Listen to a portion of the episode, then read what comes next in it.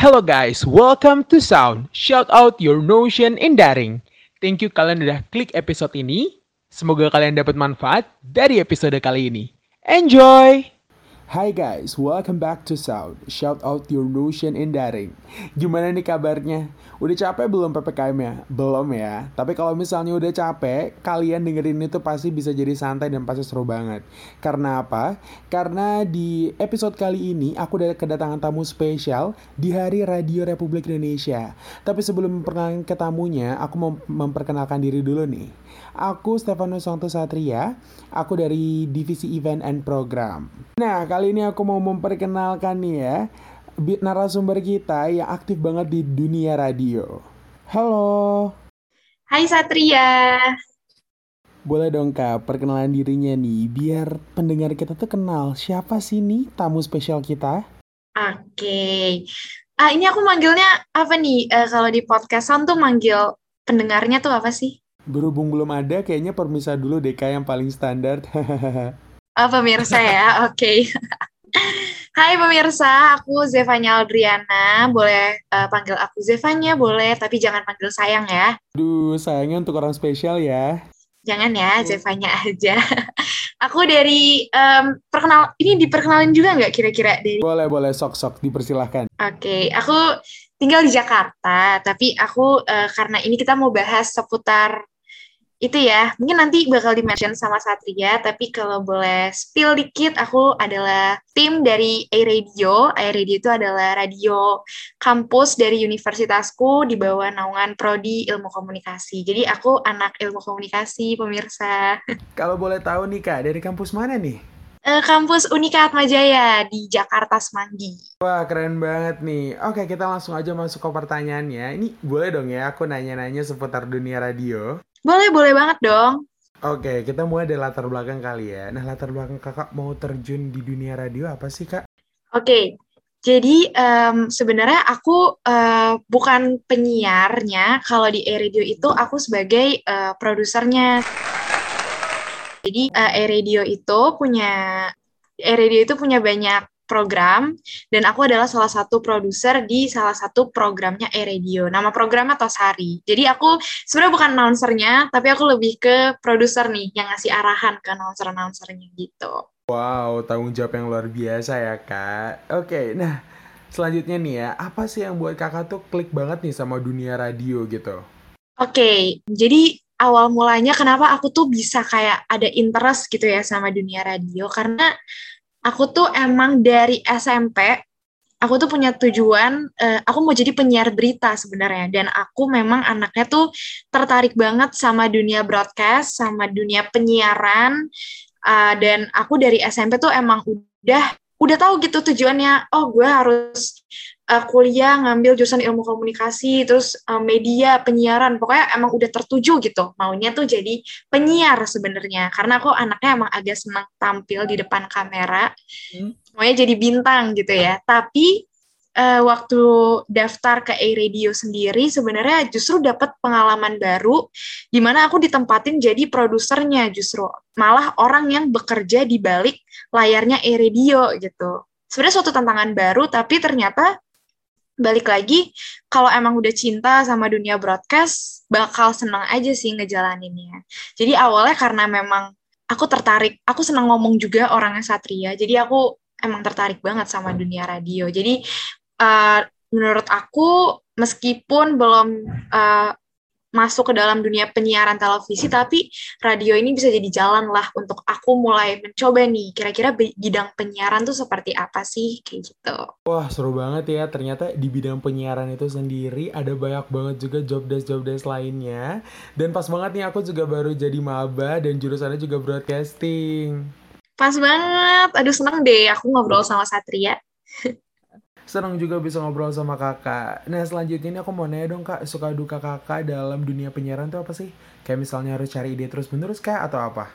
Yes, betul banget. Um, kalau soal suka duka ya, um, kalau mungkin kita ngomongin dari sukanya dulu. Kalau dari sukanya, karena memang uh, puji Tuhan aku otaknya mungkin bisa dibilang cukup ada lah ya untuk ke hal-hal uh, media gitu bisa dibilang cukup kreatif untuk membuat topik sukanya karena ya gitu aku uh, punya interest di bidang broadcast dan aku seneng aja gitu ngejalanin sama tim uh, kita pertama mungkin brainstorming bareng, terus ngobrol bareng, kulik topik bareng, cari ide yang lagi in di masyarakat tuh saat ini apa sih? Itu sukanya gitu. Terus mungkin kalau dukanya yang kayak tadi udah di-mention sama Satria, emang kadang tuh kita suka buntu ide ya pasti. Apalagi kalau produksi podcast itu kalau di uh, radio kampusku sendiri kita tiap minggu itu kan pasti akan produksi topik berarti kan mau nggak mau tiap minggu tuh harus ada ide ya. Gimana nih, apalagi produser tuh juga dia yang merancang skrip topik podcastnya gitu. Gimana nih aku bisa uh, apa luangin waktu untuk cari ide yang kira-kira bisa menarik perhatian listeners kita, pendengar kita, biar podcastnya tuh mau didengar.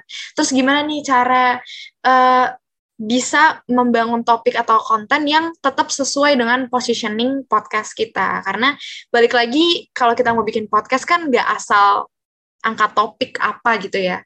Kita harus tahu positioning podcast kita itu dikenal pendengar seperti apa. Jadi mau nggak mau ketika bikin sebuah topik untuk episode baru, harus tetap nggak keluar dari positioning podcast kita gitu. Jadi jelas lah. Itu sih paling uh, sukanya tadi karena senang ngejalanin bareng tim dan aku suka dunia broadcast. Kalau dukanya mungkin gitu. Kadang suka buntu ide, bingung nulis skrip gimana ya biar kasih bumbu-bumbu yang tetap bisa menarik perhatian pendengar gitu. Tapi karena emang udah di passionnya, semua dukanya kayak hilang gitu ya kak. Jadi kayak ya ketutup sama sukanya gitu. Iya bener. Oke oke. Nah pastinya nih ya kayak dalam penyiaran radio itu kan pasti ada teknik nah ya. Nah eh, kira-kira teknik apa sih yang bisa kakak bagikan nih ya untuk pendengar kita? Um, ya teknik dasar gitu. Oke, okay. uh, eh, gini. Uh, sebelum aku memulai di bidang uh, radio di A Radio sendiri, pasti kan kita nggak asal ya. Itu ada workshopnya dulu. Kita banyak melakukan pelatihan dan meskipun aku di divisi produser, tapi kita tuh juga mengikuti uh, workshop untuk announcer, untuk editornya, untuk semuanya. Jadi kita tuh kenal berbagai gimana sih cara bekerjanya di divisi-divisi lain selain produser, announcer ataupun editor. Jadi kalau untuk teknik dasar menjadi seorang penyiar, uh, apa ya? Aku mungkin gak bisa banyak ngomong karena aku bukan expertise ya sekali lagi dan aku di A Radio ini berkelut di bidang produsernya di mana aku adalah orang di balik podcastnya justru. Tapi kalau boleh sharing dikit, intinya sih harus tahu yang pertama uh, harus bisa uh, ini good in public speaking menurut aku ya. Karena untuk ngomong uh, ngomongin soal topik ngomong dalam hal podcast itu kita butuh kreativitas yang tinggi menurut aku menjadi seorang penyiar tuh. Apalagi uh, untuk menjadi seorang podcaster ya. Karena kan kita kalau podcast ini kan beda sama radio. Justru menurut aku podcast sama radio ini berbeda banget. Kalau podcast tuh kita selalu membawakan topik gitu topik konten yang uh, sesuai dengan judul yang diangkat gitu nah makanya di sini uh, menurut aku satu announcer itu harus talkative, pandai berbicara. Terus kedua, dia harus paham uh, topik yang dikasih sama produser. Harus paham, harus mau kulik, harus mau cari tahu nih boleh misalnya googling atau ngeliat pengalaman teman. Pokoknya harus kayak akan ini juga ide juga harus kreatif. Dan ketiga menurut aku uh, apa namanya uh, aku lupa pemanasan. Pemanasan itu penting beb. Pemanasan itu penting sebelum uh, mulai ngepodcast atau menjadi penyiar radio karena untuk menghindari ini nih apa tuh ngomong belibet atau mungkin lidah keseleo nah itu penting banget tuh untuk uh, pemanasan dulu sebelum mulai podcast gitu sih menurut aku yes bener banget pemanasan itu penting banget dan tadi juga mencari referensi uh, sebanyak mungkin supaya kalau ngobrol tuh nyambung dan enak pastinya. Nah kalau misalnya uh, yang pemanasan tadi tuh ya, kalau misalnya kita belibet-belibet uh, kayak mengurangi kenikmatan pendengar penonton, ya nggak sih kak? Bener, bener. Harus bisa ngerti tuh gimana nih biar penonton tetap mau dengar kita. Yes, aku setuju banget. tadi penjelasan kakak mengenai uh, produksi podcast itu kan juga nggak mudah ya. Kayak ada rekaman, ada ide dan lain sebagainya. Nah, gimana sih cara kakak itu mengatur waktu supaya semuanya berjalan dengan baik? Oke, okay. cara aku membagi waktu, uh, jujur memang karena aku sekarang semester 5, uh, tugasnya memang agak makin jadi makin banyak ya gitu banyak terus juga uh, lagi iseng-iseng cari magang. Terus benar-benar rasa penasarannya masih tinggi banget untuk mencoba berbagai hal. Cara bagi waktunya sih uh, kalau aku gini aku selalu memulai dari hal yang paling aku suka. Jadi um, kuliah itu memang prioritasku tapi setelah kuliah aku selalu meluangkan waktuku ke hal yang paling aku suka yaitu radio ini gitu. Jadi selesai kuliah, karena tugasku sebagai produser, aku harus merancang topik, aku harus persiapin untuk next episode kita akan bahas apa, skripnya akan seperti apa, terus uh, dan lain hal sebagainya. Jadi aku lebih banyak luangin waktu aku setelah selesai kuliah, langsung cari-cari ide untuk topik selanjutnya, cari sesuatu yang lagi in di masyarakat apa, cari sesuatu yang um, bisa uh, tetap menarik listeners kita untuk mau dengar gitu. Jadi uh, kalau udah kuliah langsung cari-cari topik untuk podcast, abis itu nggak lupa juga istirahat itu penting, abis itu baru ke organisasiku yang lain gitu. Karena balik lagi kalau ngomongin soal bagi waktu kan pasti kita ngelihat dong mana duluan yang bisa mana duluan yang penting, mana duluan yang harus dilakuin gitu. Jadi uh, aku nggak pernah tuh bikin yang namanya skala prioritas. Itu mungkin memang penting untuk beberapa orang, tapi untuk aku pribadi, uh, mana yang dibutuhin saat itu, itu yang akan aku kerjakan duluan. Toh juga kan kita punya porsinya masing-masing dan kita sendiri yang paling ngerti pors membagi porsinya tuh harus seperti apa. Itu menurut aku. Setuju banget, setuju. Keren, keren. Ya kan? Keren. Time manajemennya keren. Karena jujur-jujur ya, kalau kayak ditanya orang, kamu punya skala prioritas gak? Nah, aku selalu jawab gini, lah kayaknya semua yang aku kerjain itu menurutku prioritas gitu. Bener Jadi, banget. Bukan kayak uh, apa ya, ya, ya apa yang dibutuhin saat itu mungkin akan aku kerjain, bukan kayak yang penting mana dulu nih, ya semua penting, makanya semua Betul. kerjain, ya gak sih? Bener banget, Satria. Aduh, aku aku setuju banget sama kau. Ya. Aneh ya kalau skala prioritas mana nih? Kayaknya apa pun yang lebih penting kita bakal ke situ dulu deh. Yes, bener banget. Aku setuju banget sama pola pikirnya. Ih, akhirnya ada yang sama. Nah, oke. Okay, pertanyaan selanjutnya nih ya. Pengalaman paling menarik apa uh, yang kakak rasain selama kakak ada di dunia penyiar ini? Pengalaman menarik? Uh, gini. Ini aku boleh cerita ya? Boleh dong pastinya. Silakan, silakan. Oke, okay, jadi aku itu di e-radio. Di e-radio itu um, aku megang program, aku uh, produser dari program ada namanya Tosari. Kita ada banyak nih programnya, mungkin uh, teman-teman yang mendengar mau mampir ke e-radio boleh. Oh my god, aku jadi iklan ini maaf ya. Iya boleh, boleh, boleh nggak apa-apa. Iya, kita ada empat program. Ada program Kita Anak Kampus, uh, eh, CLBK, Cadel Lama Belum Kelar. Terus ada program Buka-Bukaan, sama terakhir ada program Tosari. Nah, aku nih megang program Tosari.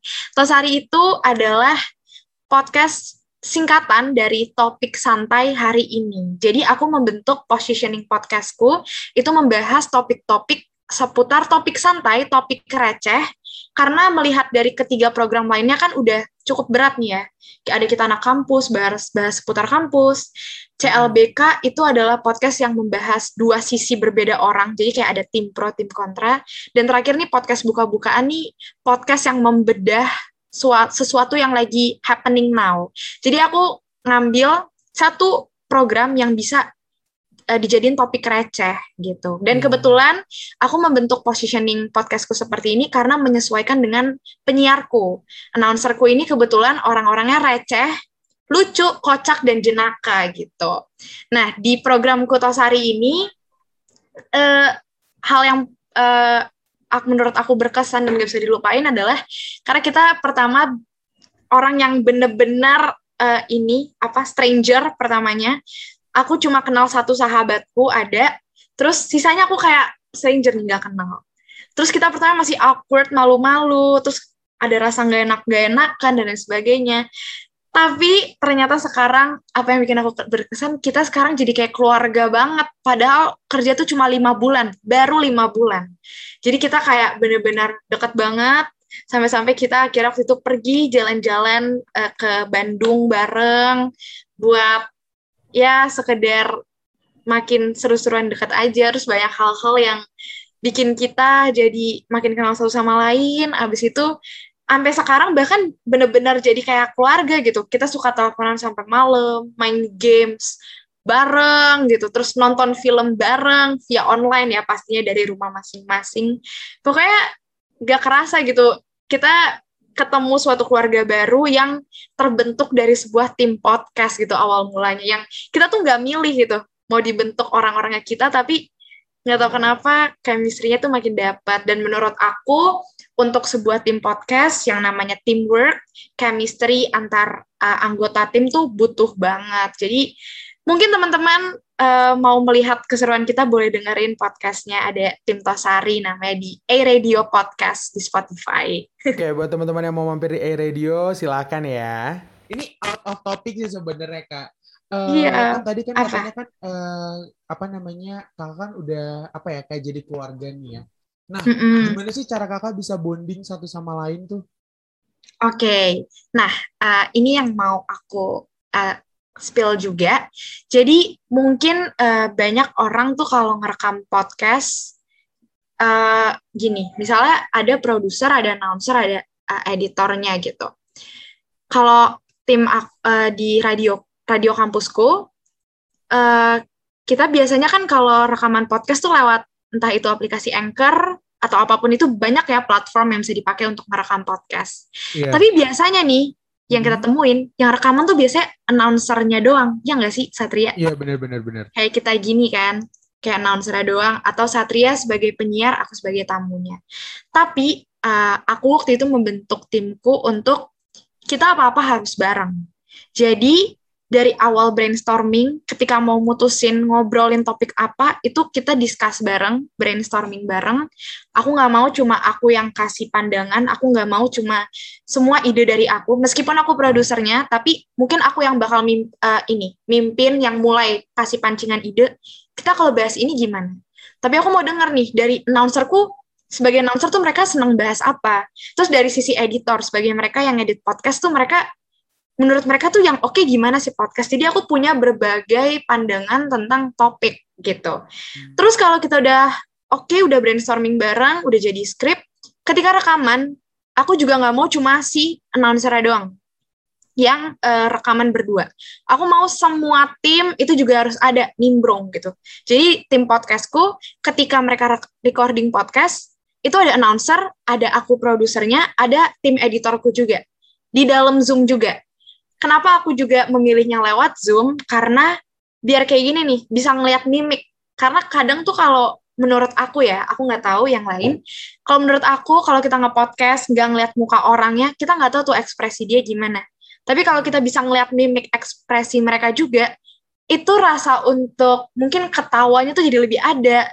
Terus mungkin kalau lagi marah-marah kita bisa ngeliat ekspresi mereka gimana. Dan itu memancing kita untuk bisa tahu nih kita harus hmm. bereaksi seperti apa kalau ngelihat ekspresi uh, lawan announcer kita gitu. Jadi aku selalu uh, bilang ke timku, ayo kita kalau recording lewat Zoom ya dan harus on cam, harus lihat mimik seperti apa. Toh nanti kan juga eh, kalau aku selalu rekaman dari platform Zoom, dari Zoom kan bisa diambil tuh audionya doang gitu. Terus pas ngedit pun juga sama. Bukan cuma editornya yang ngedit, tapi kita semua ikut nemenin, ikut ngasih saran. Misalnya, editor kan pasti yang akan memoles suara lebih baik, terus dia juga mungkin yang kasih-kasih sound effect, atau yang kasih back soundnya untuk podcast. Nah, di situ tuh mungkin uh, kita nggak tahu nih seleranya editor kayak gimana.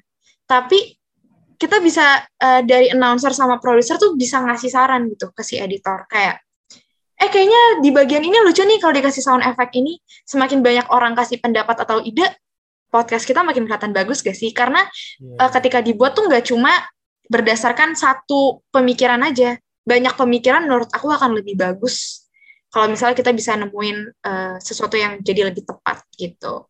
Gitu. Nah, dari situ karena kita sering apa-apa bareng, semua bareng, gak sadar kita jadi bonding banget.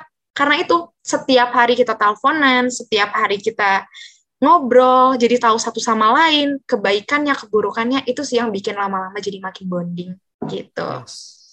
Setuju banget ya kerasa banget bener-bener kerasa uh, bagaimana suportifnya bagaimana apa ya makanya saling ngasih masukan. Dan ini setuju banget ya kadang uh, apa ya produser ngasih misalnya kayak apa uh, produser ngasih nih misalnya kayak ide eh kayak gini dong terus dipaksa enggak pokoknya saya maunya kayak gini. Tapi kalau announcernya kayak ngejalannya setengah hati pembawaannya jadi kurang gak sih? Iya benar benar banget. Kadang kita juga harus ngerti ya saat kayak uh, si announcer nih maunya apa gitu. Kadang biar mereka nih bisa nyaman juga. Tapi kalau misalnya apa yang mereka mau nih menurut kita kurang relevan sama positioning podcast kita atau kayaknya nggak bisa deh kayak gini. Ya kita juga harus kasih pengertian, tapi balik lagi kasih pengertiannya tuh jangan sampai yang bikin mood mereka jadi down. Karena balik lagi menurut aku kayak kamu gini nih saat bawain podcast tuh nggak gampang ya nggak sih Satria? Butuh Iya, mood ya banget, nggak? bener. Iya, setuju. Ya. Oh iya, oke oke oke. Iya bener-bener iya sih. Seru banget. Mau dong masuk timnya. Tapi Ayo dong. Oh, ya kalau belum bisa masuk tim jadi pendengar A Radio Podcast aja dulu. Kita Oh, namanya A betul, betul. Listeners nyebutnya. Oh, Listeners. listeners. Oke oke. Iya. Sekarang aku masuk ke ini sih perkembangan radio dan podcast nih ya. Nah, menurut Oke. kakak, eh, pandangan kakak menurut perkembangan radio dan podcast Indonesia dari zaman ke zaman tuh gimana sih? Oke, perkembangan radio dan podcast dari zaman ke zaman. Oke, mungkin eh, kita bahas dari radio dulu kali ya. Ya boleh. Kalau radio, ya, kalau radio itu menurut aku eh, itu adalah media hiburan yang da, eh, apa ya dari dulu tuh orang pasti cari-cari banget ya kalau radio karena apalagi zaman dulu nih sebelum ada gadget, sebelum YouTube terkenal pasti semua orang kalau cari hiburan ke radio ya enggak sih? Radio tuh eh, menurut aku nggak pernah nggak pernah mati deh sampai sekarang. Tapi memang seiring berkembangnya zaman mungkin ada beberapa orang yang menganggap radio ini tuh makin kurang minat uh, pendengarnya ya. Tapi balik lagi kalau dari pandangan aku pribadi, ini semua tergantung personality orang masing-masing sih. Karena aku juga masih banyak menemukan teman-temanku atau orang-orang di sekitarku yang mereka masih nyetel radio sampai sekarang gitu. Kadang, uh, misal aku main ke rumah sepupuku, ternyata dia masih nyetel tuh radio, dia masih dengerin frekuensi radio apa, pakai radionya radio ini bener-bener bentuk radio gitu. Tapi ada juga orang yang seneng denger radio karena mungkin suka penyiarnya. Ada orang seneng denger radio mungkin karena em, suka lagu-lagu yang sering diputerin sama radio itu. Ada orang yang dengerin radio tuh karena zaman udah makin berkembang lewat streaming. Sekarang banyak juga ya radio yang mengikuti perkembangan zaman. eh, mereka dengerin radionya lewat streaming di website radionya masing-masing gitu. Dan mungkin eh, karena pandemi ini kali ya, pandemi ini bikin semua orang di rumah aja. Biasanya kita kalau dengerin radio tuh di mobil ya nggak sih? Paling Iya. sering tuh di mobil. Hmm, bener. Nah, karena pandemi kayak gini, mungkin kita jadi lebih sering di rumah, fokusnya jadi lebih sering nonton Netflix, ya enggak? Nonton YouTube. Jadi mungkin interestnya ke radio, mungkin banyak orang bilang jadi berkurang. Tapi eh, kalau yang aku lihat, untuk orang-orang yang punya interest di bidang broadcasting, misalnya mereka punya rasa penasaran sama dunia radio, cita-citanya pengen jadi music director, atau mungkin cita-citanya mau jadi announcernya, atau mau jadi produser radionya, pasti mereka akan cari tuh dan mereka akan mendengar radio untuk tahu radio tuh gimana sih eh, jam-jam siarannya atau mungkin radio ini tuh model radio yang kayak gimana sih pasti mereka akan nyari sih menurut aku kalau mereka tuh punya sesuatu yang pengen dicari tahu gitu dari radionya gitu terus Iya. kalau misalnya Hmm. eh, kita ngomongin podcast podcast ini dari dulu juga memang sudah ada tapi dia makin booming lagi karena banyaknya apa ya public figure yang mulai ngepodcast ya. Bahkan Ya betul. ya kan Satria? Ma- bahkan orang-orang zaman sekarang nih anak SMA banyak yang ngepodcast. Gak perlu tahu teknik dasar ngepodcast harus gimana. Gimana cara mereka membentuk positioning podcastnya. Gimana cara mereka membentuk diri mereka sebagai announcer tuh mau karakter yang seperti apa. Yang penting gue ngebacot aja. Ya nggak sih? Iya. orang tuh orang tuh yang seneng ngomong, yang seneng ngobrol, pasti mereka bikin podcast. Gak peduli tuh topik-topik apa aja yang mau dibawain per episode, yang penting gue nggak podcast. Padahal sebenarnya banyak banget menurut aku teknik dasar yang perlu banget ditauin sebelum kita mau mulai podcast biar nggak salah langkah. Biar tahu cara nyari listeners tuh gimana gitu. Banyak sebenarnya step by stepnya uh, untuk memulai podcast. Tapi itu banyaknya platform, banyaknya uh, apa sarana-sarana pembelajaran, mungkin ada workshop atau banyak nih orang-orang yang suka ngasih pembekalan tentang gimana sih cara memulai podcast, kita tinggal nonton aja di YouTube. Semua serba instan, semua serba gampang untuk mulai nge-podcast gitu ya. Jadi banyak orang tuh, uh, menurut aku kalau ditanya nih ya, orang lebih banyak minat ke radio atau podcast, kayaknya memang lebih banyak minat ke podcast ya. Karena yes. emang lagi ngetren banget ya, ya saat lagi, lagi, lagi ya bener-bener. Iya, lagi hype banget semua orang bikin podcast. Uh, tapi kalau boleh kasih tahu, memang um, radio itu menurut aku nggak akan pernah mati juga karena gini beda ya uh, dosen aku pernah bilang beda banget rasanya kita punya lagu kesukaan boleh nggak aku tahu lagu kesukaan kamu apa sih Satria sekarang lagi suka lagunya ini uh, yang Here's Your Perfect oh Here's Your Perfectnya Jamie iya. Miller Iya yeah, betul. Oke, okay. iya aku juga suka banget lagu itu. nah, nih ya, beda nggak rasanya kalau misalnya kamu muter lagunya di Spotify atau di YouTube, kamu langsung kayak typing aja gitu kalau lagi pengen denger lagunya, ya nggak? Iya, yeah, iya. Yeah. Langsung typing, langsung play, udah tuh nyanyi denger. Tapi bakal beda rasanya kalau kamu lagi di mobil, lagi dengerin radio. Tiba ada lagu itu tuh kayak... Uh -uh. Beda nggak rasanya? Banget sih, beda banget. Ya kan, rasanya langsung yang kayak, oh my god, lagu kesukaan gue, gitu kan? Iya. Yeah Nah, itu loh. Maksudnya itu yang aku bilang radio tuh selalu apa ya? Selalu melekat di hati kita sih menurut aku karena ya gitu selalu beda dan spesial rasanya ketika lagu kesukaan kita tuh diputerin di radio kayak kalau si DJ-nya nih lagi ngomong oke okay, abis ini gue bakal puterin lagu dari Here's Your Perfect eh, dari Jamie Miller Here's Your Perfect kita langsung kayak oh my god langsung digedein, langsung digedein. atau kadang snapgram ya enggak langsung di Insta Story gitu. Lagu kesukaan iya, gue. Beda ya Satria rasanya ya. Iya beda banget sih bener. Kayak lo lagi jalan di mobil terus mm -hmm. uh, gak cuman lagu yang lo ini kadang banyak banget informasi-informasi juga betul. lewat radio gitu loh. Betul. Dan bener banget kata Satria uh, di radio tuh memang uh, kita bisa jadi kaya akan informasi ya. Karena radio itu gak cuma uh, dia tuh kontennya lebih luas topiknya untuk diobrolin bener gak dia punya betul, betul jam siarannya masing-masing. Misalnya pagi-pagi di radio A gitu, dia ada uh, sesi apa gitu misalnya, nama program apa, dari jam 7 sampai jam 8 pagi, bahas tentang apa. Terus nanti denger lagu, abis nanti ada news update, ada uh, bahas tentang kemacetan di jalan. Kita jadi semua apa-apa tuh orang kalau nyari info pasti lewat radio, ya nggak sih?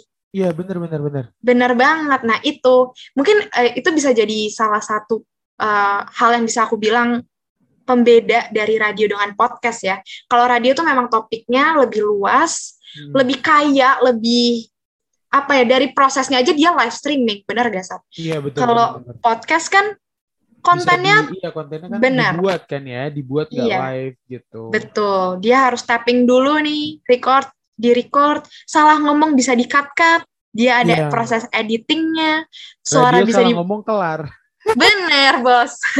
Kalau radio salah ngomong kelar nih langsung ya dunia ya. Salah, waduh gimana nih? Itu sih uh, menurut aku uh, pembedanya radio dan podcast. Tapi kalau ngeliat perkembangannya sekarang memang mungkin kalau lihat dari berbagai kalangan uh, untuk anak muda mungkin lebih ke podcast ya karena memang lagi trendy. Kalau untuk radio tuh berbagai kalangan tuh masuk menurut aku karena semua pasti uh, dengerin radio gitu. Kalau boleh nambahin sih ya, kalau mm -hmm. misalnya podcast itu kalau buat aku lebih gini sih, kalau kamu mau nyari insight dari satu orang itu, eh orang itu punya insight apa, kamu dengerin podcast. Karena Benar. podcast yang diklik kehidupan orang, mm -hmm. mereka berpendapat. Nah kalau kalau kamu mau nyari berita, kalau kamu dengerin lagu baru, bahkan aku aku nggak apa nggak jarang, aku sering banget apa ya dengerin lagu baru tuh lewat radio kalau nggak dikasih tahu radio, aku nggak bakal tahu ada lagu baru. Bener, bener banget, bener banget Satria. Aku juga setuju. Jadi kalau kita dengerin radio itu kita, jadi tahu ya lagu yang lagi itu sekarang apa karena radio selalu muterin lagu yang lagi update, bener ya? Mm, setuju setuju. Bener-bener. Ya. Kayak ini lagu apaan kok gue gak pernah denger. Oh, Bener. rilis kemarin gitu. Oh, mm -mm. enak juga nih lagunya gitu jadi. Iya, terus langsung kita masukin ke playlist kita. Yes, betul. Betul banget. Ih, setuju deh aku okay, okay. Betul, oke. Okay. Oke, okay, next nih ya.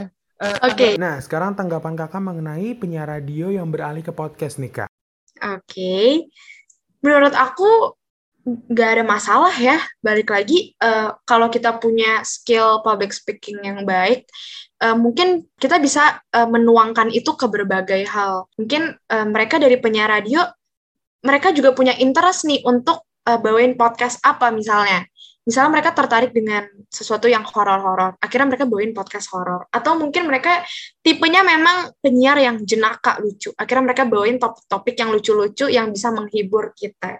Menurut aku enggak, itu oke-oke aja ya, karena balik lagi, mungkin mereka juga mengikuti trendy, menurut mereka, wah ini pasar juga nih buat nambah penghasilan ya enggak? akhirnya bikin podcast. Ya, bun. Mm -mm, bun, betul. Oke okay, okay. sih, Kak. Nah, itu kan tadi dari isi penyiar radionya nih. Sekarang kita ngelihat ke sisi anak mudanya nih, Kak ya. Okay. Anak muda anak muda zaman sekarang tuh lebih sering, lebih senang eh kayak tadi dengerin lagu yang tinggal searching eh ketemu dibanding dengan dengerin lagu di radio. Nah, Benar. Dengan Kakak gimana? Tanggapan Kakak gimana nih? Oke. Okay. Aku dengar pertanyaan Satria itu sudah sangat menjelaskan kalau anak muda tuh senang yang instan, benar gak? Setuju. Karena aku pun iya. begitu. Gak cuma kamu Satria, aku juga kan masih anak muda. Ah, iya iya benar benar.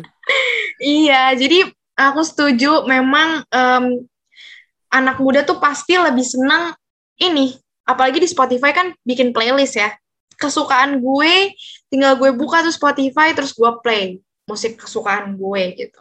Terus kalau misalnya denger radio mungkin gini, ya lah lagunya ini ini lagi, ya lah ini mana lagu kesukaan gue nggak ada gitu. Tapi mungkin uh, mereka akan punya kayak yang tadi aku bilang mereka akan punya rasa senang sendiri ketika lagu kesukaan mereka baru diputar tapi ya gitu ya mungkin memang ya namanya juga uh, orang misalnya misalnya gini misalnya lagi galau nih Satria aku baru putus nih sama pacar aku hmm. misalnya jatuhnya jadi curhat ya misalnya kok aku lagi jomblo ini aku gak punya pacar oh. loh oh kodenya keras banget ya lagi jomblo gak punya pacar nih Hmm, iya nih. Aduh, jangan gitu. Aku malu deh, Satria. lupain guys, lupain guys. Anggap aja nggak ada ya guys. iya. Oke. Okay. Jadi ya gitu, misalnya aku lagi galau gitu ya. Terus pasti kan kalau lagi galau, Bona pengen cepet-cepet gak sih? Iya, Playlist, aduh lagu apa nih yang bisa mendukung air mata gue bisa cepet keluar, ya nggak sih? Kalau nunggu radio, yaudah coba nyalain radio dulu. Aduh DJ-nya lagi ngomong nih penyiarnya. Lama lagunya. Jadi mungkin uh, banyak orang-orang yang langsung lari cari lagu kesukaannya langsung mencet. Itu biar apa ya mereka lebih mungkin lebih mendukung apa yang lagi pengen mereka dengar gitu mungkin mereka lagi happy mau langsung putar lagunya atau lagi sedih mau langsung putar lagunya tapi ya mungkin ada juga satria anak muda yang saking mereka sukanya nih sama radio A itu terus diputar radionya nggak peduli tuh lagunya apa gitu. Tapi kalau tadi kamu bahas dari sisi anak muda yang lebih seneng typing lagunya langsung, aku yakin sih lebih banyak yang kayak gitu ya dibanding nunggu lagunya dari radio. Iya iya betul betul. Mm-mm. Gitu. Hmm, emang dasar bocah instan, bocah instan. Sama sih, kadang gue juga gitu. Tapi emang dengerin radio paling enak tuh di mobil tahu. Iya benar, apalagi hujan-hujan gitu ya. Iya, itu juga benar. Tapi kadang kalau misalnya nggak di mobil, aku sebelum tidur biasanya. Oh iya iya, ih bener. Satria aku juga sama. Jadi aku ini orangnya kan nggak bisa tidur suara sunyi ya. Aku harus ada lagu. Harus ada lagu, Ka bener. Kamu juga? Oh my iya. god, kita sama. Coba kalau sunyi tuh kayak kayak aduh apaan sih sepi iya gitu. takut aku tuh takut Satria sumpah aku anaknya penakut jadi kayak okay, okay. harus ada suara-suara apa pun itu, boleh lagu, boleh ada orang ngomong, terserah deh. Yang penting gue kayak nggak feel lonely. Orang, gitu. Yang penting ada, mm -mm. ya, ada orang ngomong. Bener. Jadi aku sama kayak kamu. Kalau mau tidur aku nyalain radio juga gitu. Aku putar radio gitu. Iya. Kayak maksudnya gini, gue tuh nggak mau dengerin radio, yang penting ada orang aja pokoknya. Bener gak peduli ya mau radio apa, ya, yang penting ada orang ngomong. Yang ada orangnya, iya setuju banget. Ih, setuju banget aku juga. Seru deh. Uh, kayak kakak punya cara gak sih kayak biar anak-anak muda tuh interest lagi gitu buat dengerin radio? okay, uh, dengerin radio lagi. Gini, mungkin uh, kenapa anak muda uh, interestnya jadi kurang ke radio? Karena mereka belum lihat, mungkin mereka kurang nyari tahu nih. Mereka mungkin apa nggak pernah dengar radio? Karena kalau mereka mulai denger radio lagi, pasti mereka akan menemukan banyak hal-hal berbeda ya di radio tuh sekarang suhu banget menurut aku. Karena aku makin ke sini, karena aku sekarang lagi berkelut di bidang radio juga. Jadi aku lagi sering-sering nih nyari tahu radio-radio, radio A, radio B, radio C, radio D gitu. Aku sering dengerin dan seru banget loh sumpah dengerin announcer ngomong tuh enak banget dengar suara mereka sumpah ya. ya. Mereka tuh halus banget ngomongnya mm -hmm. gak ada gak ada hambatan kayak halo ah, gila enak banget itu Mm-mm, kayak malaikat gitu, soalnya kayak enak banget. Dan juga selain itu, program-program radio tuh menurut aku sekarang seru-seru. Mereka pintar mencari pasarnya anak muda nih, apa sih yang dicari-cari. Kayak misalnya, hmm, apa, salah satu radio tuh ada program, aduh aku lupa lagi, itu eh, radio apa ya, Sapa Mantan. Sapa Mantan tuh radio apa? Kamu tahu nggak? Aduh, kurang tahu nih, Kak. Oke, okay. eh, aku lupa antara radio tuh. Aku takut salah ngomong. Ini aku aku boleh, ag agak searching dulu ya. ya. Maaf ya. ya. Aduh, aku lupa. Prambors. Nah, okay, Prambors. Radio Prambors itu punya program Sapa Mantan. Kan ini anak muda nih ya, ya kan? Hmm. Kalau ini uh, apa malu-malu gitu kan bisa nih nelpon uh, mantan gitu. Mereka tuh pintar gitu nyari tahu hal-hal yang berbau cinta-cinta tuh anak muda tuh melekat banget gitu. Bahkan gak cuma anak muda, orang kantoran apa semua tuh pasti seneng gitu dengar kayak gini. Dan lucu gitu dengar mereka program Sapa Mantan tuh seru banget. Terus juga di ini lainnya uh, aku aku tuh suka banget dengerin radio Trax FM 101 frekuensi 101,4 aku seneng banget dengerin radio Trax itu aku suka program Morning Zone-nya. Dulu tuh uh, penyiarnya masih Cindy Lau sama Tara Budiman sekarang udah ganti Kak Jeffrina Yohan sama Kak Devi Andri. Itu lucu programnya uh, Morning Zone tuh pagi-pagi dengar suara mereka renyah gitu di kuping. Jadi itu salah satu alarm pagiku juga tuh uh, mereka pagi-pagi tuh. Gitu. Jadi mereka kalau pagi tuh aku nggak tahu ya maksudnya aku jujur aja guys uh, aku kan kalau dengerin kan apa aja aku denger ya. Malam-malam nah kalau pagi-pagi tuh jarang. Dulu aku sangat banget ini Desta and Gina in the morning. Oh Desta and Gina itu juga seru banget with Kenny Jafar ya. Iya Kenny Jafar. Aduh itu seru banget. Seru banget lucu banget. Itu seru. Nah mungkin teman-teman bisa memulai denger radio lagi dengan coba follow Instagramnya dulu. Lihat keseruan mereka itu seru-seru banget loh sumpah. Banyak banget radio-radio anak muda kayak radio Gen FM, Trax FM, Mustang, dan banyak masih banyak lagi radio lainnya yang mereka tuh di Instagramnya ngasih lihat keseruan mereka. Jadi kita tuh ada ketertarikan gitu untuk dengerin radionya. Eh ini iya, iya, mereka punya program ini dan menurut aku menurut aku itu salah satu strategi yang tepat juga dari radio-radio tuh mereka pin apa ya bisa ngelihat perkembangan zaman gitu karena mulai tahu mungkin radio mulai sedikit peminatnya jadi mulai tuh terjun ke dunia Instagram ya kan? Terus banyak juga radio yang bikin ada ininya sendiri podcastnya sendiri di Spotify. Gitu. Yeah.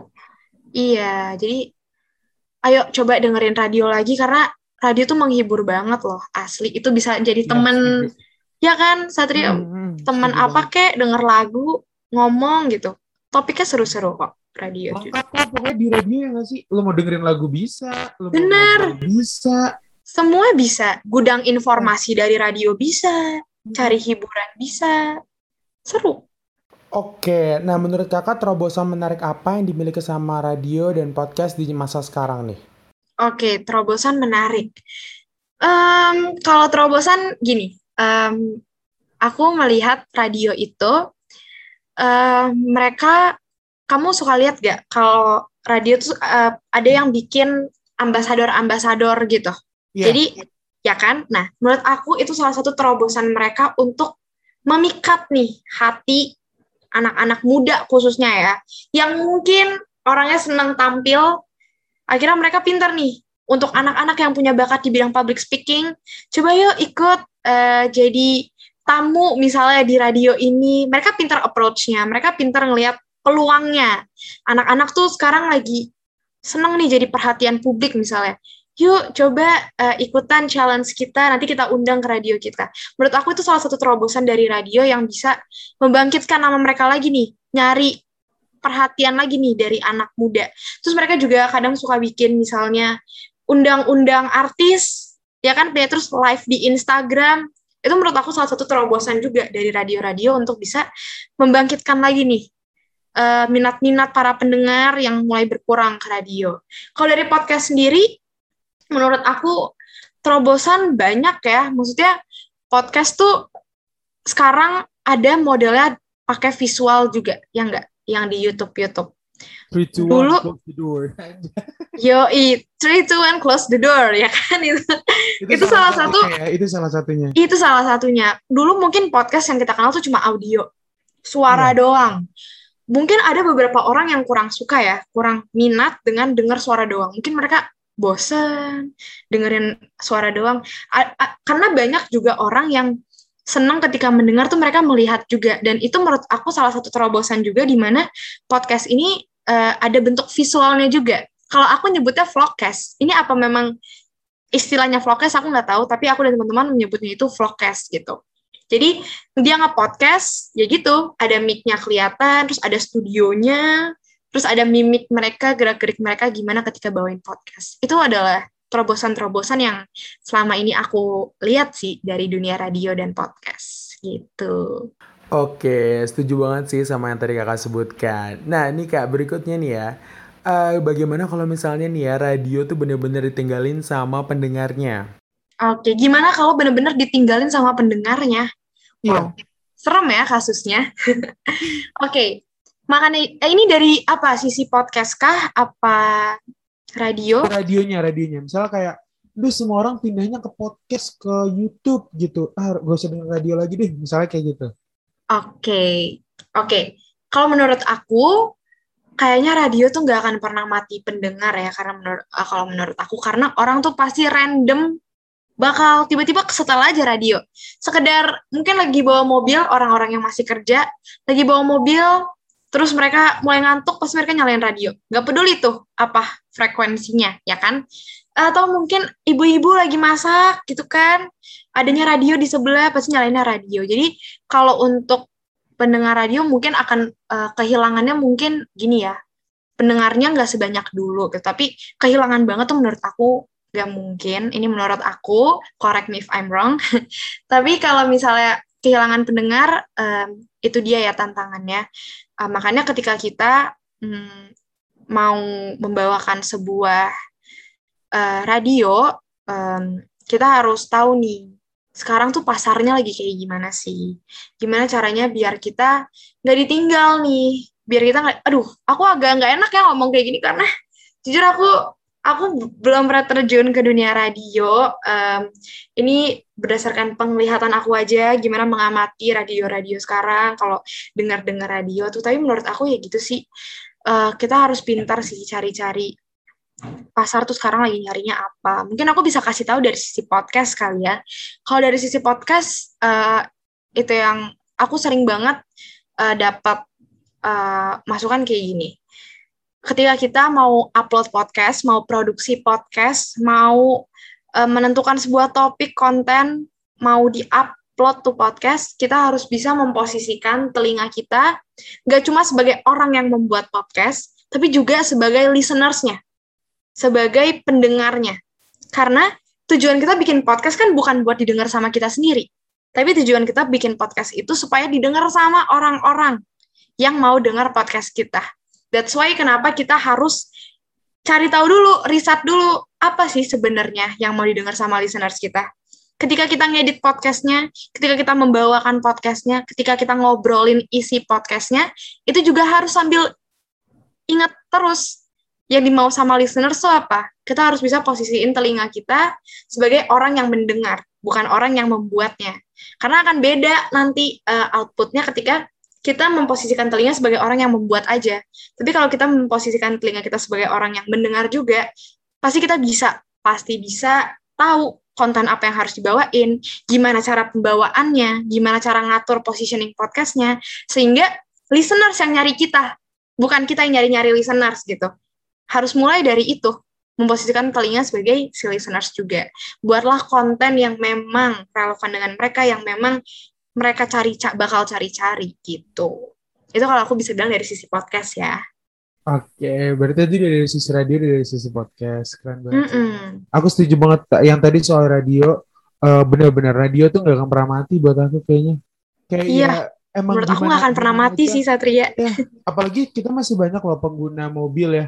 Betul. Mobil yang paling mudah tinggal jangkauan tangan tuh, ya udah radio tinggal nyalain, selesai lo dengerin. Gitu. Mm -mm. Tinggal pencet aja tuh ya tombol mm. on. tinggal, iya bener, tinggal pencet doang masih bisa dengerin radio. Oke, oke, setuju, setuju. Benar. Nah, harapan kakak untuk radio Indonesia di masa mendatang nih? Oke, harapan aku untuk radio Indonesia di masa mendatang tetap menjadi apa ya, tetap uh, membuat uh, radio itu selalu jadi media hiburan yang akan selalu dicari orang berbagai kalangan. Tetap uh, radio Indonesia menurut aku banyak banget dan kaya-kaya mereka punya positioningnya sendiri. Ada radio lawas, ya kan? Ada radio dangdut, ada radio uh, kayak frekuensi 105,8 itu kan lagu-lagu naik 80s ya. Yang diputar hmm. tuh lagu-lagu uh, zaman mama papaku gitu. Aku senang denger um, itu radio frekuensi 105,8 Mos Radio. Itu aku senang banget karena uh, apa ya denger lagu-lagu zaman dulu ternyata enak-enak loh guys gitu. Aku iya, jadi bener. tahu juga lagu-lagu zaman dulu. Terus ada juga radio yang uh, positioningnya kerohanian gitu misalnya ya hmm. kan. Hmm. Ada juga radio yang positioningnya anak berita. muda banget. Apa beb? Berita berita. Berita bener El Sinta ya kan. Banyak. Pak Deku uh, penyiar di sana. Oh siapa siapa Satria? Uh, Pak Deku penyiar di El Sinta. Oh iya, oh ala, aku suka banget. Jadi itulah makanya. Jadi uh, menurut aku harap radio Indonesia tuh bisa tetap uh, mempertahankan apa yang udah jadi ciri khas radio mereka karena pasti semuanya punya pasarnya masing-masing. Uh, dan pasti kayak El Sinta Radio itu juga pasti dibutuhin banget ya. Semua orang pasti nyari info. Berita apa langsung cari radionya El Sinta.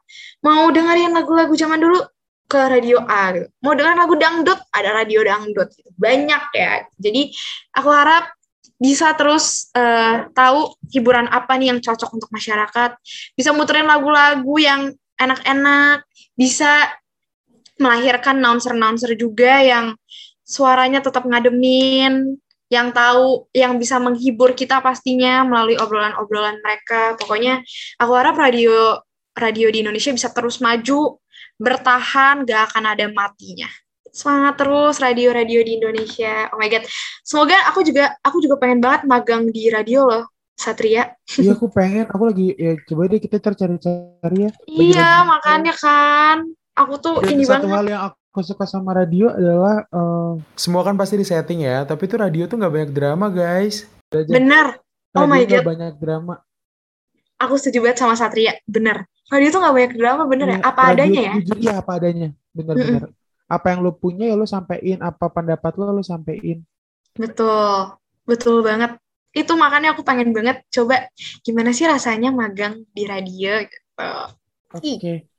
Oke nih Kak, eh, karena kita lagi eh, memperingati Hari Radio Nasional, mm -hmm. nah coba dong pesan Kakak untuk para pendengar di Hari Radio, Radio Nasional hari ini. Oke, untuk para pendengar di Hari Radio Nasional, yuk dengerin radio, karena kalau bukan kita siapa lagi nih yang mau denger-dengerin radio ya kan? Sebagai anak bangsa terutama ya, uh, kita harus dengerin radio-radio Indonesia, radio-radio dari negara kita, dengerin uh, pasti radio tuh punya uh, sesuatu yang kita mau kok tanpa kita sadari gitu ya. Kadang lagu-lagu yang kita suka, atau mungkin kadang news update yang kita butuh, informasi yang kita cari tahu itu semua pasti radio tuh menurut aku punya. Dia sebenarnya hampir sama kayak televisi tapi bener kayak Satria itu aku bilang dia nggak ada drama itu itu bener banget radio tuh apa adanya ya kayak enak aja nggak pernah ada masalah kayaknya radio ya ya nggak sih Satria? Iya iya kayaknya nggak ada deh. Mm -mm. Itu sih jadi you guys dengerin radio cari tahu mereka tuh enak banget kok kalau dengerin radio tuh oke, bisa dijangkau di mana aja ya. Betul. Oke, okay, uh, eh, semua per, uh, ini uh, dompet pertanyaanku udah habis. Jadi makasih banget untuk udah udah hadir di sini Kak. Uh, sebelumnya yeah, aku mau kasih you. closing statement dulu kesimpulan bahwa tadi uh, apa ya terjun di, di dunia radio itu menyenangkan. Pasti mm -hmm. ada suka dan duka, terus juga uh, pastinya uh, apa ya punya teman baru, pengalaman baru terus uh, asik deh pokoknya kayaknya ya di dunia radio tuh menyenangkan banget gitu. Benar. Dan tadi juga apa namanya kita udah ngebahas soal gimana sih uh, cek teknik untuk membuat radio dengan baik atau membuat podcast dengan baik. Terus uh, pandangan kita tentang radio zaman sekarang dan zaman dulu.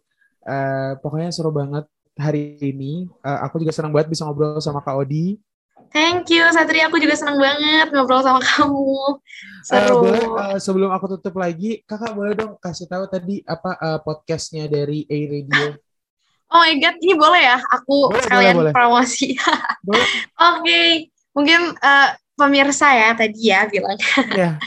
Pemirsa boleh dengerin uh, radio kampusku. Ini uh, aku kuliah di Unika Atmajaya di bawah Prodi Ilmu Komunikasi itu kita ada perkumpulan profesi radio namanya A Radio.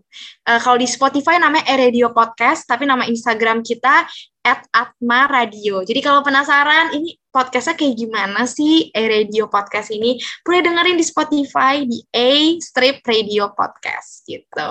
Instagramnya at Atma Radio. Ih, seneng banget aku. Makasih banyak ya teman-teman.